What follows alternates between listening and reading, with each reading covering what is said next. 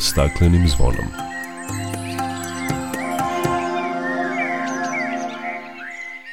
Dobar dan i dobrodošli na talase prvog programa Radio Novog Sada. Nedelja između 9 i 5 i 10 časova pre podne rezervisana je za ljubitelje tema iz oblasti zaštite životne sredine i emisiju pod staklenim zvonom koju su za vas danas pripremili Violeta Marković u tehnici i Ivan Nožinić pred mikrofonom. U današnjoj emisiji upoznaćemo vas sa izveštajem Ujedinjenih nacija sa devete ministarske konferencije o životnoj sredini posvećene starom kontinentu, a održane u Nikoziji na Kipru. U sredu 5. oktobra predstavnici Ujedinjenih nacija za razvoj i Ministarstvo za zaštitu životne sredine dodelili su priznanja najuspešnijim inovatorima. Čak tri priloga posvetili smo pomoći države u povećanju energetske efikasnosti objekata u Srbiji. Na poziv javnog preduzeća Vojvodina šume i pokreta Gorana Vojvodine, naša novinarka Jovana Golubović boravila je u Bosudskim šumama, gde je pripremila priloge o značaju hrasta lužnjaka u Sremskim šumama. Obavestit ćemo vas i o tome kako je obeležen Svetski dan životinja u Srbiji, konkretno u Beogradu, a za kraj smo ostavili zanimljivost koja pokazuje vezu između biologije i tenisa. Zato ostanite na talasima prvog programa Radio Novog Sada i uživajte uz zanimljive priloge i kvalitetno probranu muziku.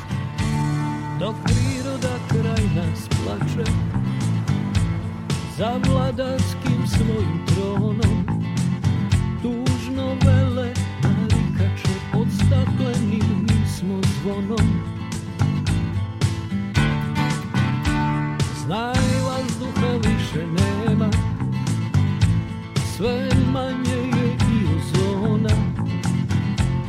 Protiv sebe ide čovek I to često Bez pardona.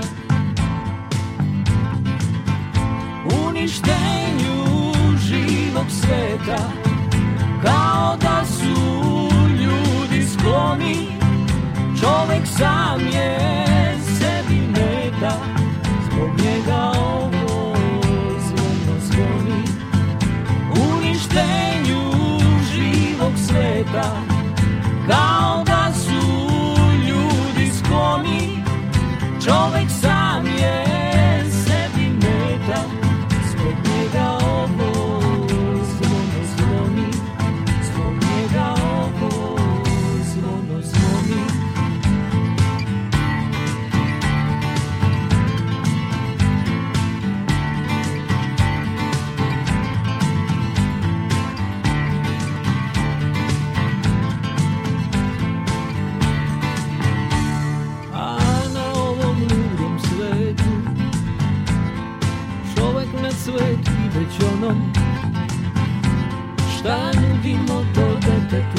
stakleni kad smo zvonom. Uništenju živog sveta Kao da su ljudi skloni. Čovek sam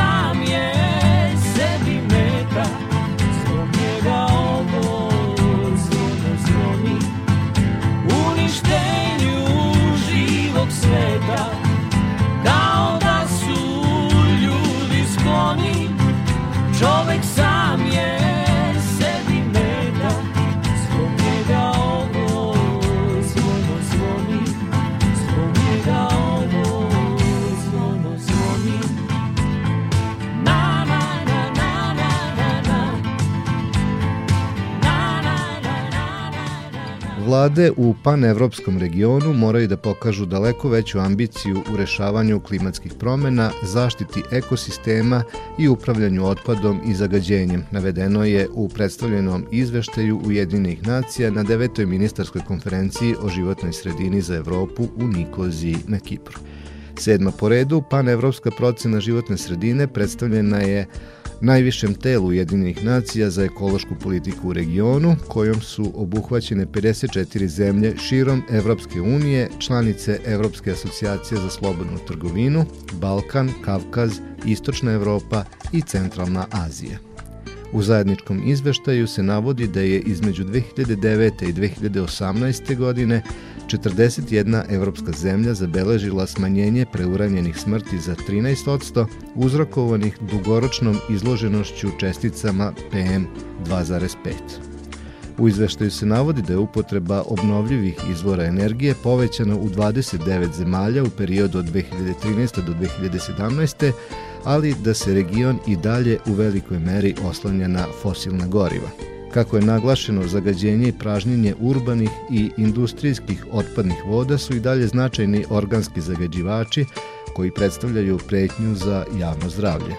Kada su u pitanju zaštićena područja, u panevropskom regionu su se ona skoro utrostručila u poslednjih 30 godina.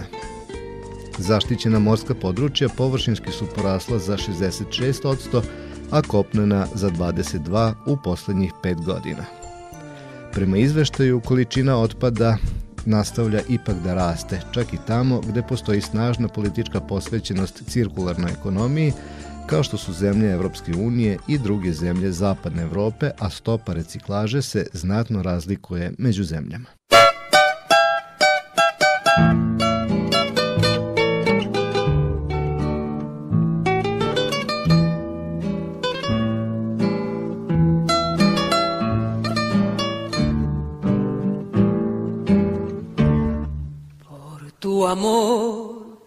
Que tanto quiero y tanto extraño. Que me sirvan otra copa y muchas más. Que me sirvan de una vez para todo el año. Que me pienso seriamente emborrachar si te cuentan que me vieron muy borracha. Orgullosamente diles que es por ti, porque yo tendré el valor de no negarlo. Gritaré que por tu amor me estoy matando y sabrán que por tus besos me perdí.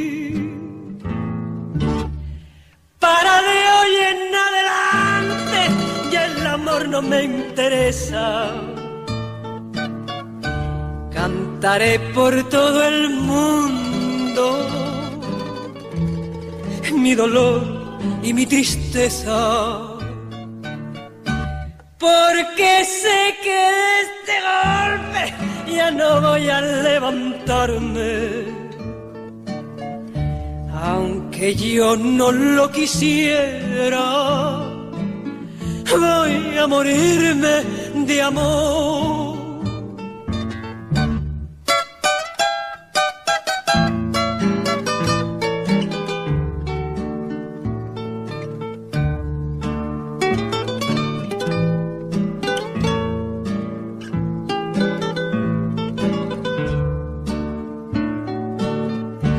Porque sé que de este golpe ya no voy a levantar aunque yo no lo quisiera, voy a morirme de amor.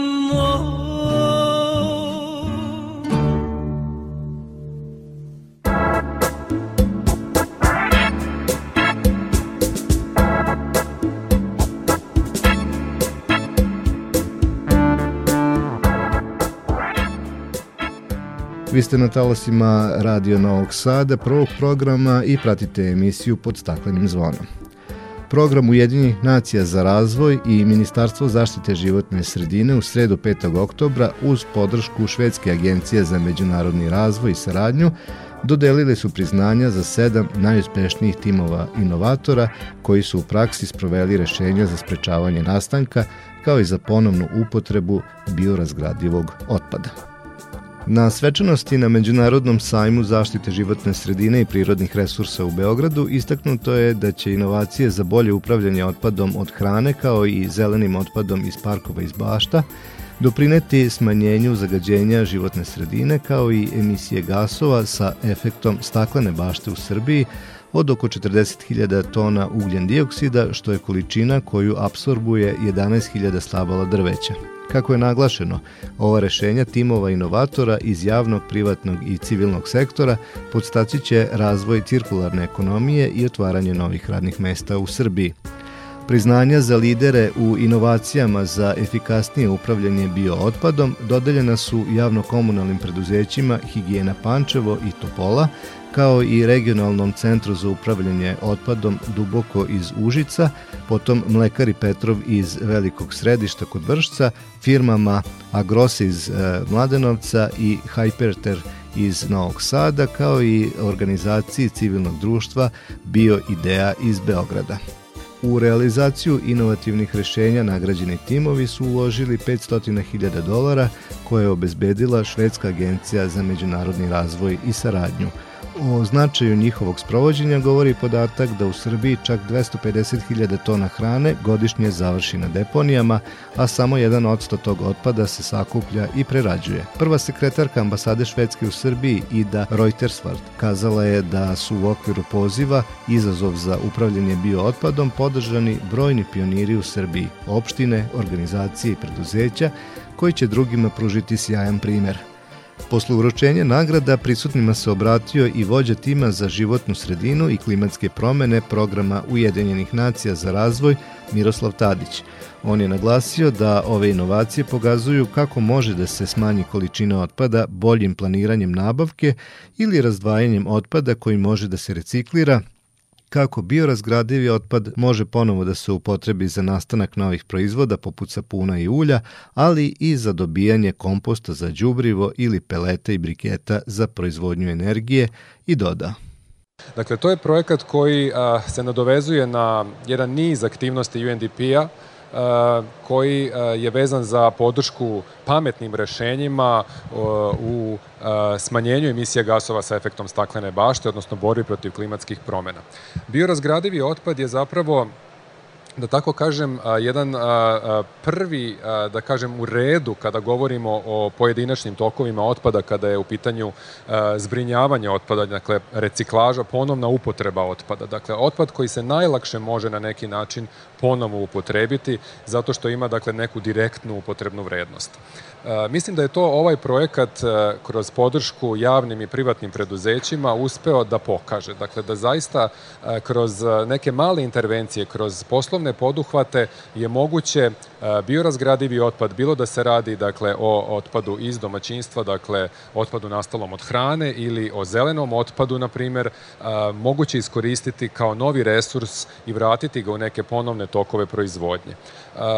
Takođe smo pokazali da je e, i e, primjena principa cirkularne ekonomije e, vrlo laka i moguća upravo kada govorimo o ovom konkretnom toku otpada. Takođe, ono što je jako bitno jeste da, da zapravo na, kroz ovaj projekat smo pružili jednu malu podršku takođe Ministarstvu i Srbiji u smislu unapređenja zakonskog okvira kada je u pitanju upravljanje otpadom. Dakle, podržali, podržali smo i izradu plana upravljanja otpadnim muljem. Dakle, to je takođe još jedan tok biorazgradivog otpada o kome je Ida govorila, koji takođe može i nadamo se da će uskoro naći svoju upotrebnu vrednost na, na na nivou lokalnih samouprava, širom lokalnih samouprava u Srbiji. Pored uh, toga što smo dakle podržali da kažem uh, javna i privatna preduzeća, veliko je zadovoljstvo takođe uh, da smo imali priliku da dotaknemo se i nekih drug kroz ovaj projekat i nekih drugih društvenih pitanja poput recimo uključivanja nekih ranjivih grupa stanovništva poput žena, odnosno žensko preduzetništvo takođe smo podržali kroz ovaj projekat koji je na našu sreću takođe za temu imao ponovnu upotrebu biorazgradivog otpada, u ovom slučaju dakle otpadnog jestivog ulja od koga su se koga se proizvode novi proizvodi, a to su dakle kozmetički proizvodi sapuni i sveće.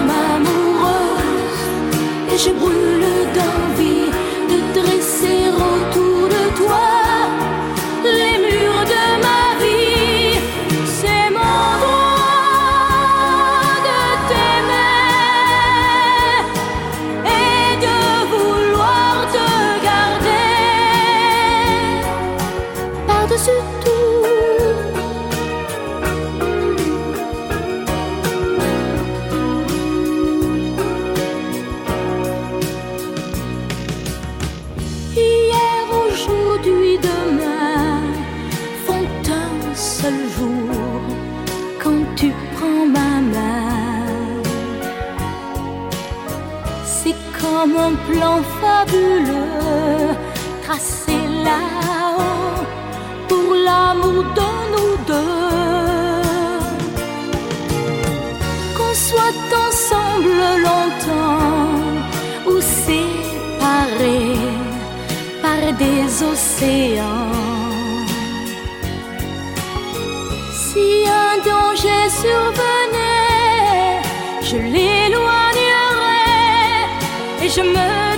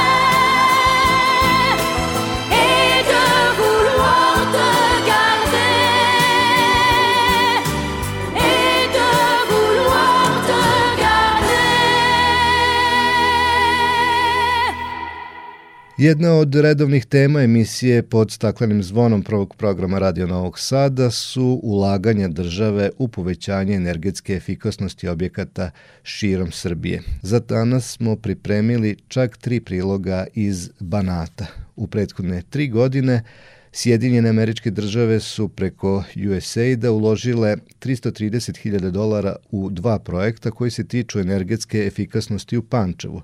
Projekti su uspešno realizovani, a kako sve izgleda u praksi, uverili su se ministarka rudarstva i energetike Zorana Mihajlović i ambasador Sjedinjenih američkih e, država u Beogradu Christopher Hill. Prilikom posete Pančevu najavljen je i strateški sporazum o energetici koji pripremaju Srbija i Sjedinjene američke države, a koji će stvoriti uslove za veća ulaganja, izveštava Aleksandra Vlajić. U Pančevu je rešen dugogodišnji problem Pančevačke bolnice sa grenjem i sanitarnom vodom, a postavljanjem 200 solarnih panela na krovu toplane u Kotežu obezbeđen je njen efikasniji rad. I to su dobri primjeri kako se pametnim ulaganjima rešavaju određeni problemi, rečeno je prilikom posete Pančevu. Srbiji su potrebne investicije, istakla je ministarka Zorana Mihajlović, a strateški sporazum Srbije i Sjedinjenih američkih država omogućio bi veće ulaganje u nove energetske objekte i novu tehnologiju. Kao najveći projekat koji Srbiju očekuje je izgradnja reverzibilne hidroelektrane Đerdap 3. Ja duboko verujem da ćemo mi e, raditi i na Đerdapu 3, ali da ćemo možda raditi na nekim drugim kapacitetima koji su od važnosti za energetsku stabilnost. Pri tome, reverzibilna hidroelektrana Đerdap 3 nije samo elektrana koja je važna za Srbiju, Ona je značajna dakle, za ceo region i neće samo biti proizvodnja električne energije iz vode, nego će biti hibridna reverzibilna hidroelektrana. Dakle, biće recimo 200 MW vetroelektrane, biće 200 MW solarne elektrane. Dakle, biće primer, ali će isto tako dati stabilnost, naročito u onome što često možete da čujete, a to je balansiranje. Da žele strateški pristup i da je blizu sporazum sa Srbijom, naglašava i ambasador Hill. Mislim da ćete u budućnosti videti još projekata iz energetike, bilo da ih finansiraju američke kompanije ili će biti finansirane kroz neku vrstu državne pomoći. Ono što želim da naglasim je da je Amerika spremna da pomogne u toj oblasti, da je prijatelj Srbije i da ćemo odvojiti energetiku od politike. Na pitanje novinara koje rešenje u energetici savetuje Srbiji, Hill je rekao da će se prirodni gas još dugo koristiti te da je, iako je sada skup, dobro gorivo. Savet je da se Srbija oslanja na više gasovoda jer u budućnosti samo jedan izvor energije i samo jedna tehnologija neće biti dominantne, smatra Hill. Iz Kikinde nam se na ovu temu javila naša dopisnica Tatjana Popović, pa da poslušamo prilog. Građani Kikinde i okolnih mesta imali su ove godine na raspolaganju pet mera za ulaganja u energetsku efikasnost svojih domova. Najviše zahteva, tačnije 62, odobrano je za zamenu spoljnih prozora i vrata. Mogućnost da uz bespovratna sredstva zameni dotrelu stolariju iskoristio je Dušan Dejanović iz Ruskog sela. Konkurisao sam za prozore, četiri prozora i jedna ulazna vrata. To je stara kuća, dogodne će biti od 100 godina, obavljena je promjena krova, pretres i bilo je nužno da se to uradi, bili su prozori stari, Ovogodišnjim konkursom povećan je iznos subvencija po principu ključ u ruke. Primera radi, maksimalna subvencija za zamenu prozora i vrata iznosila je 140.000 dinara.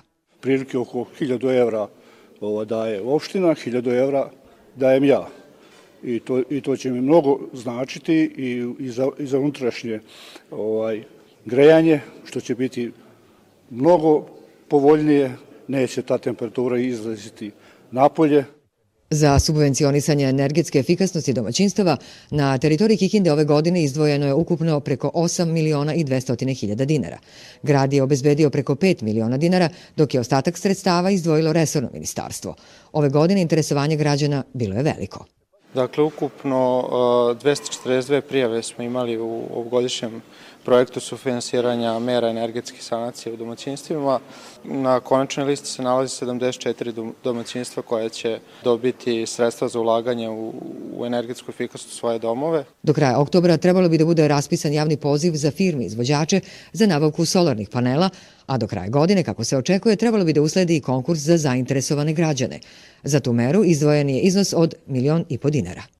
I u Senti su dodeljena sredstva države za poboljšanje energetske efikasnosti stambenih objekata građana. Slušamo prilog naše dopisnice Gorjane Stojković. Senčanin Miroslav Zagorac jedan je od 46 građana koji će po konkursu za unapređenje termičkog umotača, termotehničkih instalacija i ugradnju solarnih kolektora dobiti sredstva. On će novac uložiti u uvođenje centralnog grejanja na gas u porodičnoj kući. Koliko će vam to značiti? Pa jako mnogo, jako mnogo, pogotovo što smo mi u godinama, problem je ovaj, gorivo, jeli? Do sad smo se grejali na čvrstoj i na ugalj i na drva, struju, kombinacija sada mislim da će to biti mnogo bolje i kvalitetnije. Sredstva su odobrena za nabavku kotlova, zamenu unutrašnje cevne mreže, nabavku toplotnih pumpi i zamenu stolarije. Interesovanje građana za ovaj vid finansijske podrške veće je nego prethodne godine. Nadamo se da, da će taj trend da se nastavi i tako, da, i tako ćemo doprineti znači i sa, da građani imaju bolje uslove života, manje troše za energetske potrebe, a da više sačuvamo našu životnu okolinu. Projekat energetske efikasnosti uspešno je realizovan u Senti i prošle godine, istakao je naš sagovornik. Sagovornik Gorene Stojković u drugom delu priloga bio je predsednik opštine Senta Rudolf Cegledi.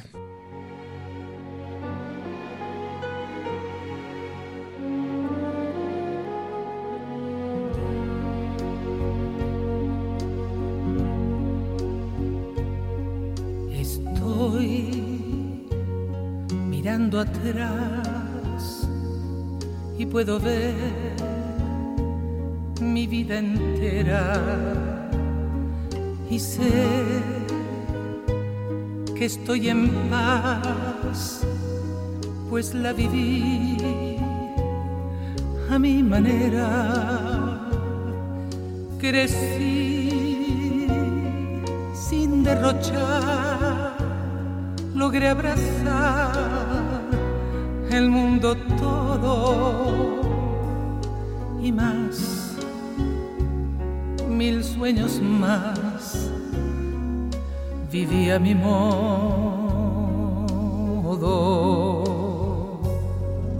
Dolor, lo conocí y recibí compensaciones. Seguí sin vacilar, logré vencer las decepciones. Mi plan jamás falló y me mostró mil y un recodos y más, sin mucho más, vivía mi modo. Esa fui yo que arremetí hasta el azar, quise perseguir, si me oculté si me arriesgué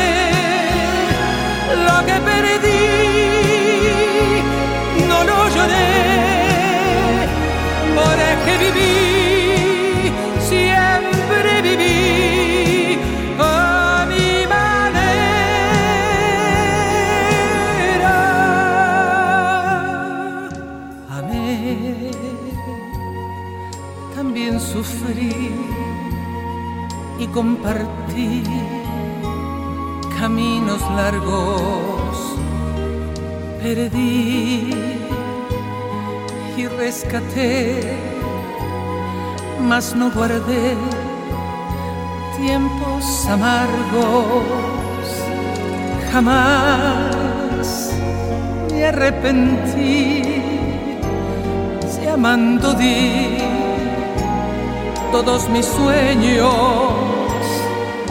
Lloré y si reí. Fue a mi manera. ¿Qué pueden decir o criticar si yo aprendí renunciar? Si hay que morir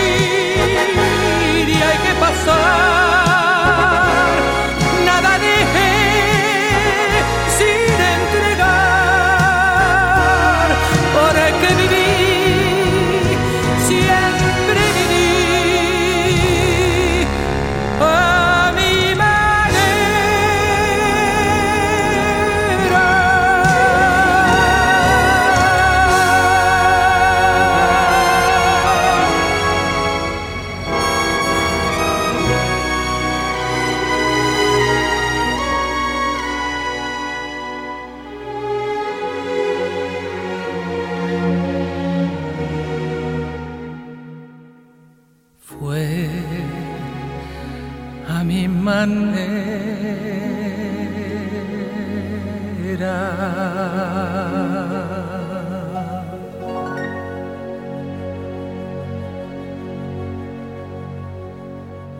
Svetski dan životinja priznat je širom sveta kao dan posvećen dobrobiti životinja.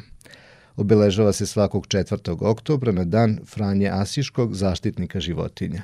Cilj obeležavanja je poboljšanje statusa životinja kako bi se unapredili standardi njihove dobrobiti na globalnom nivou.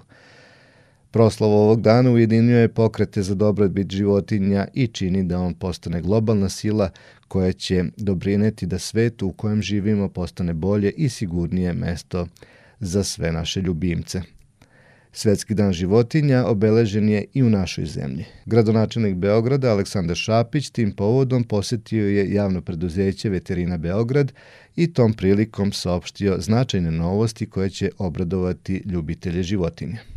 U toku je izrada jednog, da je nazovemo, nacionalne strategije za, za poboljšavanja i uslova i rešavanja pitanja napuštenih pasa i svega onoga što to, što to nosi.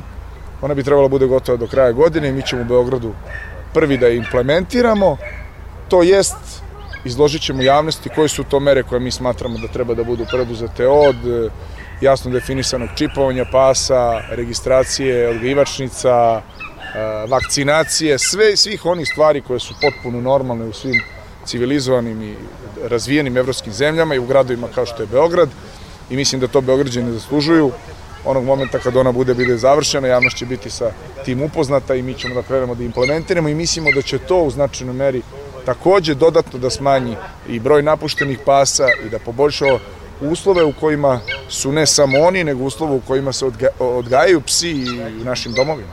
Zato što i tu imamo isto problema, ne samo negde u mnogim azilima postoje uslovi koji su daleko bolji nego, nego u, u, u privatnim nekim domaćinstvima gde, gde, gde, gde si, koji drže pse. Zato što držati psa, držati životinju nije uopšte ni tako jednostavno, ni tako lako, a ukoliko želite da a ja to apsolutno podržavam, i volite životinje, onda morate budete svesni da su oni živa bića isto kao i mi i da imaju isto svoje potrebe i da i oni koji ih hrane jednom nedeljno, da znaju da oni moraju ovih ostalih dana u nedelji da jedu i da moraju i zimi negde budu zbrinuti i da moraju da a, neko da im pomogne kada su bolesni i da jednostavno nije dovoljno da ga ponekad pomazite ili ponekad da mu iznesete hranu. E, neretko im baš na taj način nekad i činite veću štetu nego korist jer oni onda završavaju na ulici, misleći da će svaki dan neko od njima na taj način da brine, a nažalost on ne brine, i onda ti psi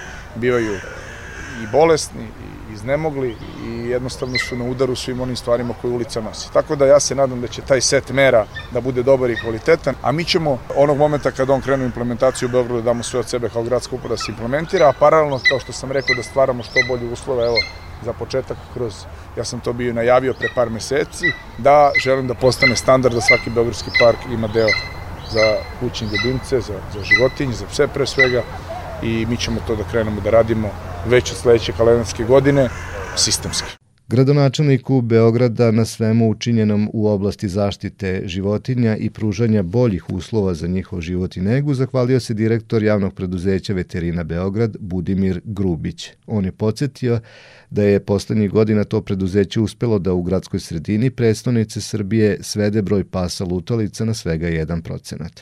Ono što je ostalo na ulicama sada su uglavnom neobeleženi napušteni vlasnički psi, Istu akciju Veterina Beograd planira da sprovede i u prigradskim naseljima, naglasio je Grubić i dodao. Ono što smo uradili jel da, u najširem centru grada, znači populaciju napuštenih pasa potpuno sveli na jednu potpuno beznačajnu cifru. Isto ćemo to uraditi i, jel da, i u Soputu, i u Brenovcu, i u Mladenovcu, gde je apsolutno, kada su u pitanju nevlasnički psi, apsolutno pod kontrolom. Ali sada krećemo lagano, kako je rekao gradonačelnik, sa primenom i implementacijom nacionalne strategije, koja ja verujem da će biti nešto što će e, na kraju e, doprineti i onda da se uvrstimo u priču svih e, zemalja koje su poznate po tome da su apsolutno rešile problem tih, jel da, vlasničkih napuštenih pasa, koji zapravo kod njih isto kao i kod nas definitivno bio najveći problem.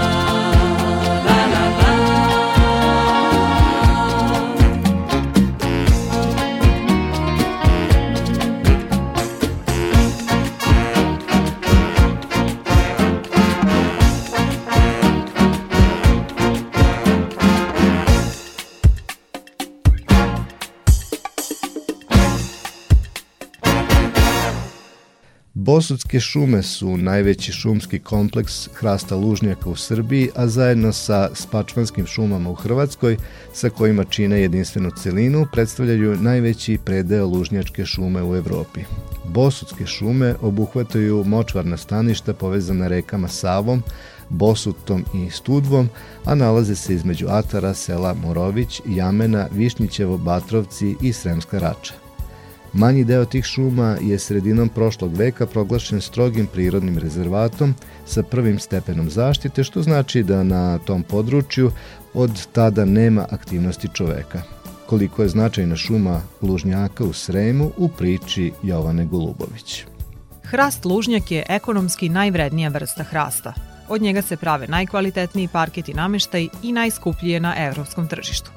Delom lužnjačkih šuma u regiji Bosuta gazduje šumska uprava Morović, koja je ogranak šumskog gazdinstva Sremska Mitrovica u okviru javnog preduzeća Vojvodina šume. Oni hrast odgajaju za tehničku upotrebu i taj deo šuma podređen je isključivo proizvodnji visokih elitnih stabala, te su one gušće od onih kojima se ne gazduje. Ipak, jedan deo bosanskih šuma, oko 300 hektara od oko 20.000 hektara, je posle 250 godina upravljanja zaštićen, te od tada čovek u njima ne pravi bilo kakve izmene, već pušta prirodu da sama uređuje svoj prostor. Da šumu ne čini samo drveće, objašnjava stručnjak za zaštitu prirode iz Pokrajinskog zavoda za zaštitu prirode Alen Kiš, sa kojim smo posetili Bosutske šume. Zašto kažu da je šuma najsloženiji ekosistem? Pa šuma ima čak po nekim definicijama sedam spratova vegetacije kad pogledate od, od, od vrha krune pa sprat nižeg drveća, pa još nižeg, pa visokog žbunja, pa nižeg žbunja, pa sprat zeljaste vegetacije, pa onda sprat gljeva, pa sprat duboko korenja i puzavice. Znači, to je jedan tako složen ekosistem koji je veoma osjetljiv, koji je veoma povezan i kada se on naruši, vi gubite stabilnost. Gubi se i produktivnost i biološka stabilnost i gubi se pre svega biološka raznovrsnost. Iako je ova šuma, u njoj se nešto radilo pre nego stavljeno pod rezervat, ali vidite da ima više spratova, vidite da znači da tu ima i debelih stabala i, i tanjih.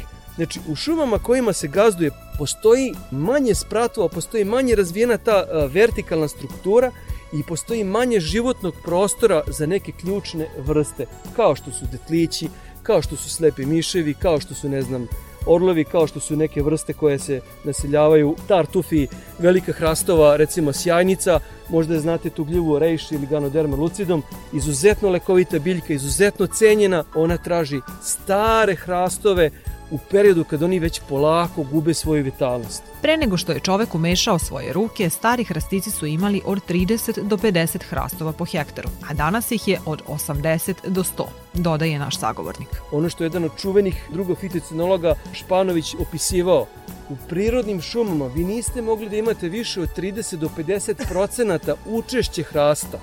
Naravno, ovo su mešovite šume i danas vidimo hrastove, vidimo jasen, vidimo grab, vidimo razne javore, na nekim višim delovima čak i lipe. Ali njihov procenat je redukovan zato što ovde se 250 godina gazduje planski. 250 godina neguje ekonomski najvažnija vrsta. Hrast, lužnjak, njegovo učešće u ukupnoj masi je povećano, pre svega iz ekonomskih razloga. Dobra stvar je što su to i dalje mešovite šume. Znači, hrast je izuzetno ekološki važna vrsta.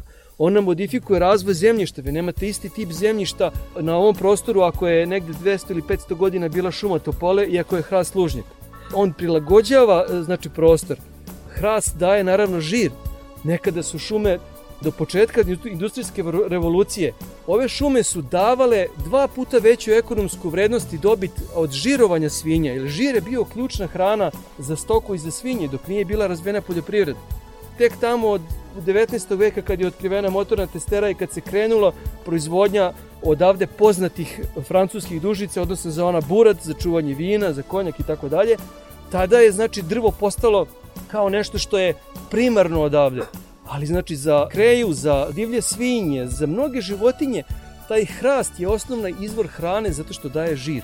Autohtone domaće vrste u bosutskim šumama čine više od 95 orsto vrsta, ističe Alen. To su hrastove šume, to nema puno, nema bagrema, nema američkog jasena, ima nešto jako malo plantaža topola. Zato su one toliko ekološki značajne. Inače, na ovom prostoru Bosutskih šuma koje je nominovano i predloženo za zaštićeno područje, Inače je u prostornom planu Republike Srbije i regionalnom planu Vojvodine predviđeno kao zaštitu za park prirode, izdvojeno je čak 37 prioritetnih tipova štaništa, ne šumskih, barskih, vodenih i šumskih. 15 tipova šumskih staništa je izdvojeno kao posebno osetljivo, zato što se sporo obnavlja, zato što je osetljivo na klimatske promene i tako dalje.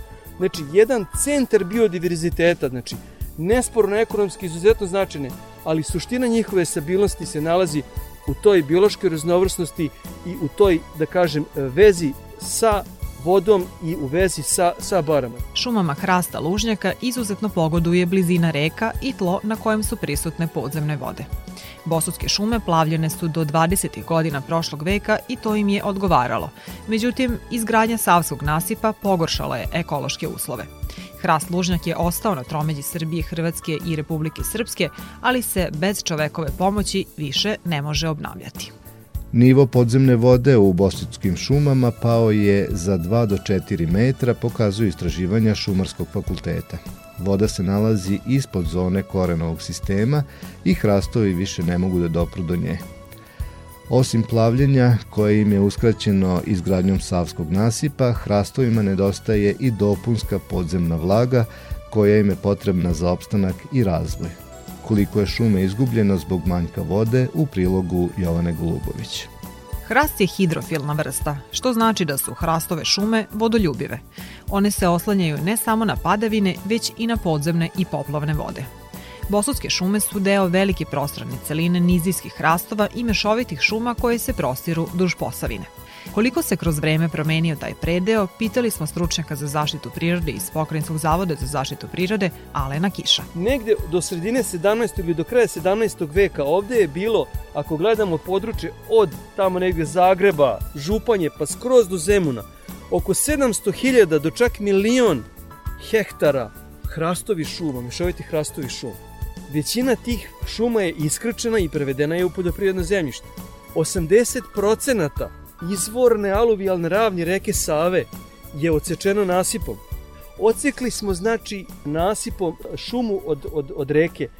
Znači, od tih 700.000 hektara, kako su nekad stari šumari pisali krajem 19. veka u šumarskom listu zagrebačkom, je ostalo sredinom 19. veka na prostoru Srema oko 4000 hektara tih prastarih šuma. Mi danas u ovim rezervatima imamo šest strogih rezervata ovde šumskih i jedan spomenik prirode, imamo manje od 300 hektara ovako starih šuma.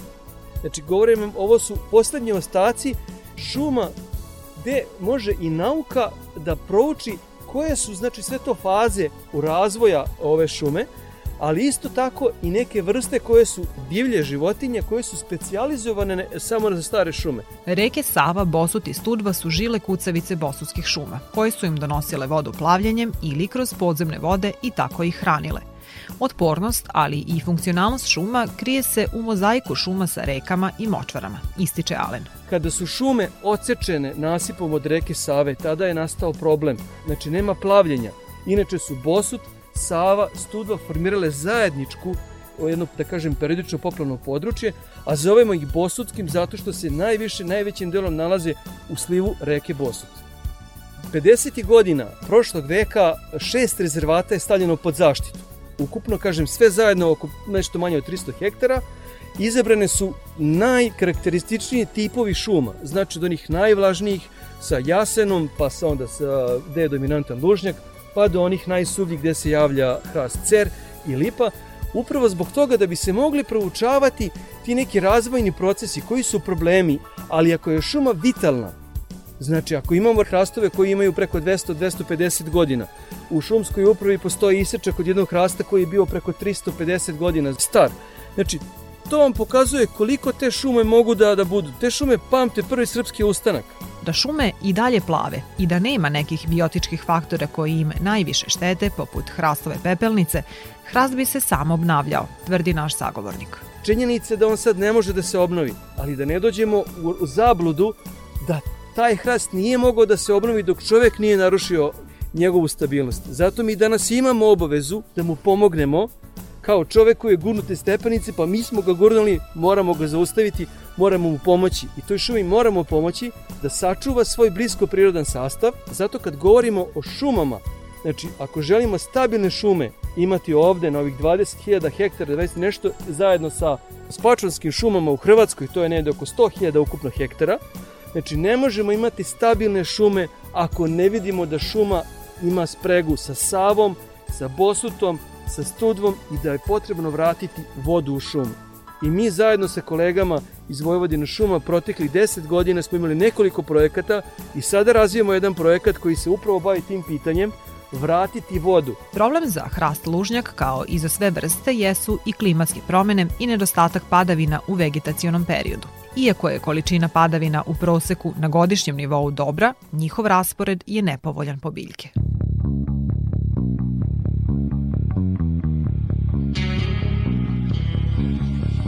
Considera l'ipotesi di non sentirti schiavo di nessuno mai. Decidere della tua vita in piena autonomia, casomai.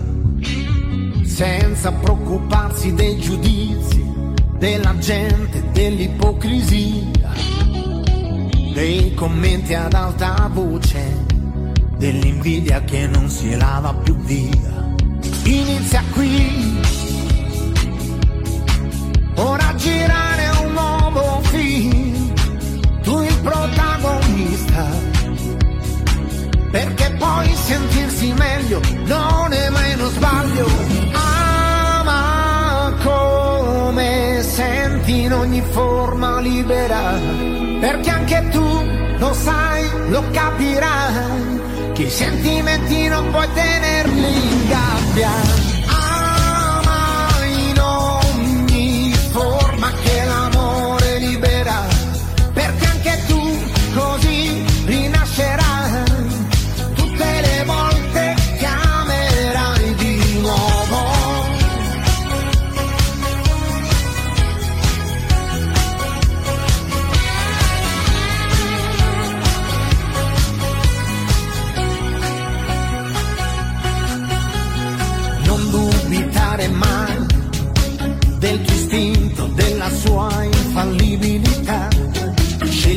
a Betty la Ouija.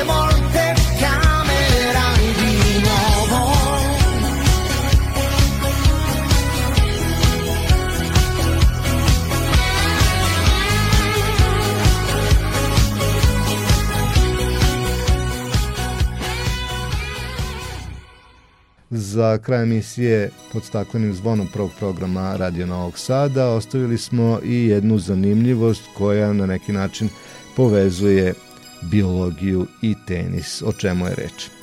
Otkrivena je i opisana nova pećinska vrsta insekata za nauku koja je nazvana Đokovićev Duvalius u čast trofejnog teniskog šampiona Novaka Đokovića. Jedinstveni pećinski predator, trčuljak, pronađen je u Siminoj jami na planini Povlen. Nova vrsta i Novak imaju zajedničke osobine, brzinu, snagu i strajnost, sposobnost da opstaju u surovom okruženju, objašnjavaju naučnici. Ističu da je ovaj insekt predator u podzemnoj sredini, a Novak figurativno na teniskom terenu. Inače, nova vrsta insekata nije prva vrsta životinja koja je nazvana po Novaku Đokoviću. Nedavno je nova slatkovodna vrsta puževa iz Crne Gore prozvana Travunijana Đoković. Toliko za današnje izdanje emisije pod staklenim zvonom Radio Novog Sada. Do sledeće nedelje pozdravljaju vas Violeta Marković u tehnici i Ivan Ožinić pred mikrofonom. Prijatno uz programe Radio Novog Sada.